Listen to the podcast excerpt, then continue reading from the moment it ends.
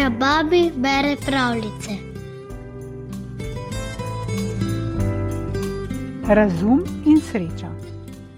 Nekoč sta se srečala na neki oski obrvi razum in sreča. Umakni se mi, je rekla sreča. Razum je bil takrat še neizkušen, ni vedel, kdo naj se komu umika, pa je rekel: Zakaj naj bi se ti jaz umikal? Nisi boljša od mene. Boljši je tisti, je odgovorila sreča, kdor več doseže. Ali vidiš tamle tistega kmetskega fantiča, ki na nivi orje? Pojdi van in če bo s teboj bolje opravil kot z menoj, se ti bom vselej vludno umaknila s poti, kadar in kjerkoli se bova srečala. Razum je v to privolil in je šel takoj oraču v glavo.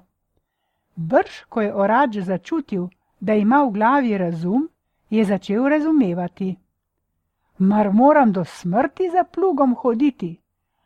Saj lahko tudi drugje in laže najdem svojo srečo. Pustil je oranje, naložil plug na voz ter se odpeljal domov.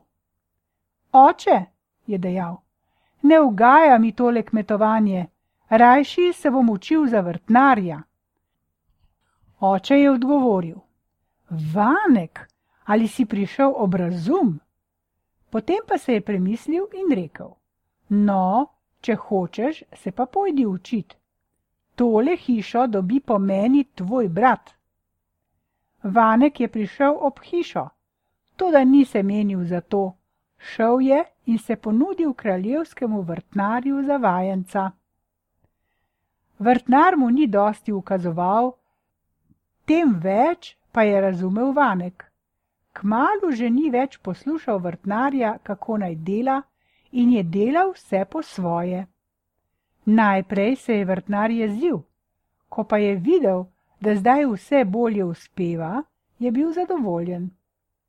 Vidim, da imaš več razuma, kakor jaz, je dejal, ter pustil, da je vanek vrtnaril, kakor je sam hotel.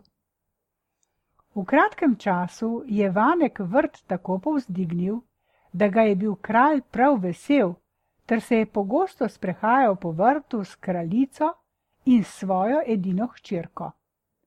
Kraljeva hčerka je bila zelo lepa mladenka, toda v svojem dvanajstem letu je prenehala govoriti. Nihče ni slišal besede od nje. Kralj je bil zaradi tega hudo žalosten in je dal razglasiti: Kdor bo dosegel, da bo spet govorila, bo njen mož. Oglasilo se je mnogo mladih kraljev, knezov in drugih velikih gospodov, drug za drugim, toda kakor so prišli, vsi so spet odšli. Nobenemu se ni posrečilo, da bi kraljična spregovorila. Pa zakaj bi še jaz ne poskusil svoje sreče, si je mislil Vanek. Kdo ve, ali se mi ne posreči, da bo odgovorila, če jo bom vprašal. Takoj se je dal prijaviti kralju. Kralj ga je peljal v sobo, kjer je prebivala njegova hčerka. Hčerka je imela ljubkega psička in ga je zelo ljubila, ker je bil prav živahen in je vse razumel, kar je hotela imeti. Ko je Vanek vstopil s kraljem in s celo vrsto drugih odličnikov v njeno sobo, se je delal, kot da kraljevske mladenke niti ne vidi. Obrnil se je k psičku in rekel: Slišal sem, psiček, da si zelo živahen in pameten. Prišel sem te za svet vprašati. Bili smo trije tovariši, Eden je bil rezbar, drugi krojač in jaz. Nekoč smo šli skozi gost in smo morali v njem prenočevati. Da bi bili pred volkovi varni, smo zakurili ogen in se domenili, da bomo drug za drugim stražili. Najprej je stražil ogen rezbar. Da bi si krajšal čas, je vzel kos lesa, ter izrezal iz njega lepo mladenko. Ko je bila izrezana, je prebudil krojača, da bi zopet on stražil. krojač vidi leseno mladenko in vpraša, kaj je to.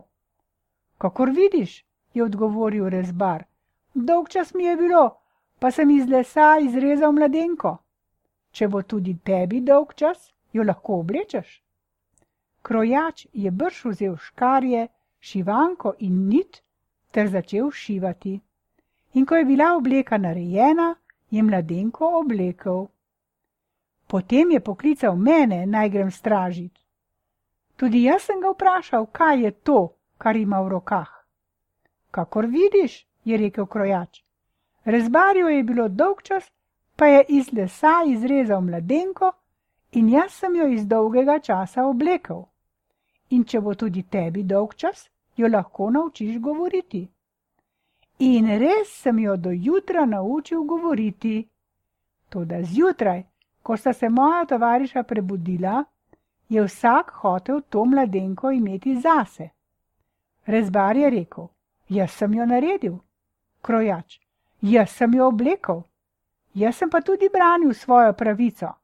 Povej mi torej, psiček, komu izmed nas pripada ta mladenka? Psiček je molčal, tudi na mesto psička je odgovorila kraljeva hčerka. Komu drugemu neki, kakor tebi? Kaj bi z rezbarjevo mladenko brez življenja? Kaj pomaga krojačeva obleka brez govora? Ti si ji dal najboljši dar, življenje in govor, zato je po vsej pravici tvoja. Sama si o sebi odločila, je rekel Vanek. Tudi tebi sem dal zopet govor in novo življenje, zato si tudi po vsej pravici moja. Tedaj se je oglasil eden izmed kraljevih svetovalcev. Kralj ti bo dal bogato nagrado, ker se ti je posrečilo, da si njegovih črki razvezal jezik. Ampak za ženo je ne moreš dobiti, ker si nizkega rodu. In kralj je tudi rekel: Nizkega rodu si, dam ti na mesto svoje hčerke bogato nagrado. Vanek pa ni maral slišati o nobeni nagradi in je dejal: Kralj je obljubil, kdor doseže, da bo njegova hčerka spet govorila, bo njen mož. Kraljevska beseda je zakon. In če kralj hoče, da bodo drugi njegove zakone spoštovali, se jih mora najprej sam držati. Zato mi mora dati kralj svojo hčerko. Biriči, zvežite ga, je zaklical kraljevi svetovalec. Kdor pravi, da kralj nekaj mora, žali kraljevsko milost in zasluži smrt. Vaša kraljevska milost naj blagovolji ukazati, da tega zločinca z mečem obglavijo. In kralj je rekel: Z mečem naj bo obglavljen.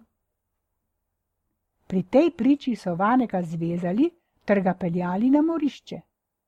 Ko so prišli na morišče, je tam že na nje čakala sreča in skrivaj rekla razumu: Glej, kako je tale človek s teboj opravil, mu že gre za glavo. Umakni se, da stopim jaz na tvoje mesto.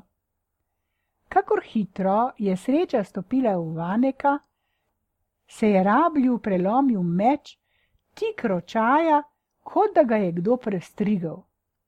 Preden so mu prinesli drugega, je prijahal iz mesta trobentač, veselo trobil in mahal z belo zastavico. Za njim se je po Vaneka peljala kraljevska kočija. In to je bilo takole. Kraljeva hčerka je rekla doma očetu, da je Vanek vendarle govoril resnico in da kralj mora držati svojo besedo. In če je Vanek nizkega rodu, se ga lahko kralj naredi za kneza. Kralj je rekel: Prav imaš, knez naj bo. Nemudoma so poslali kraljevsko kočijo po Vaneka. Ko sta se potem Vanek in kraljeva hčerka peljala od poroke, je slučajno zašel na pot razum. Ko je videl, da bi se moral sniti s srečo, je povesil glavo in bežal, kot da si ga polil. Od tedaj se ba je razum sreči že oddaleč umika, kadarkoli bi jo moral srečati. Kaj pa ti meniš?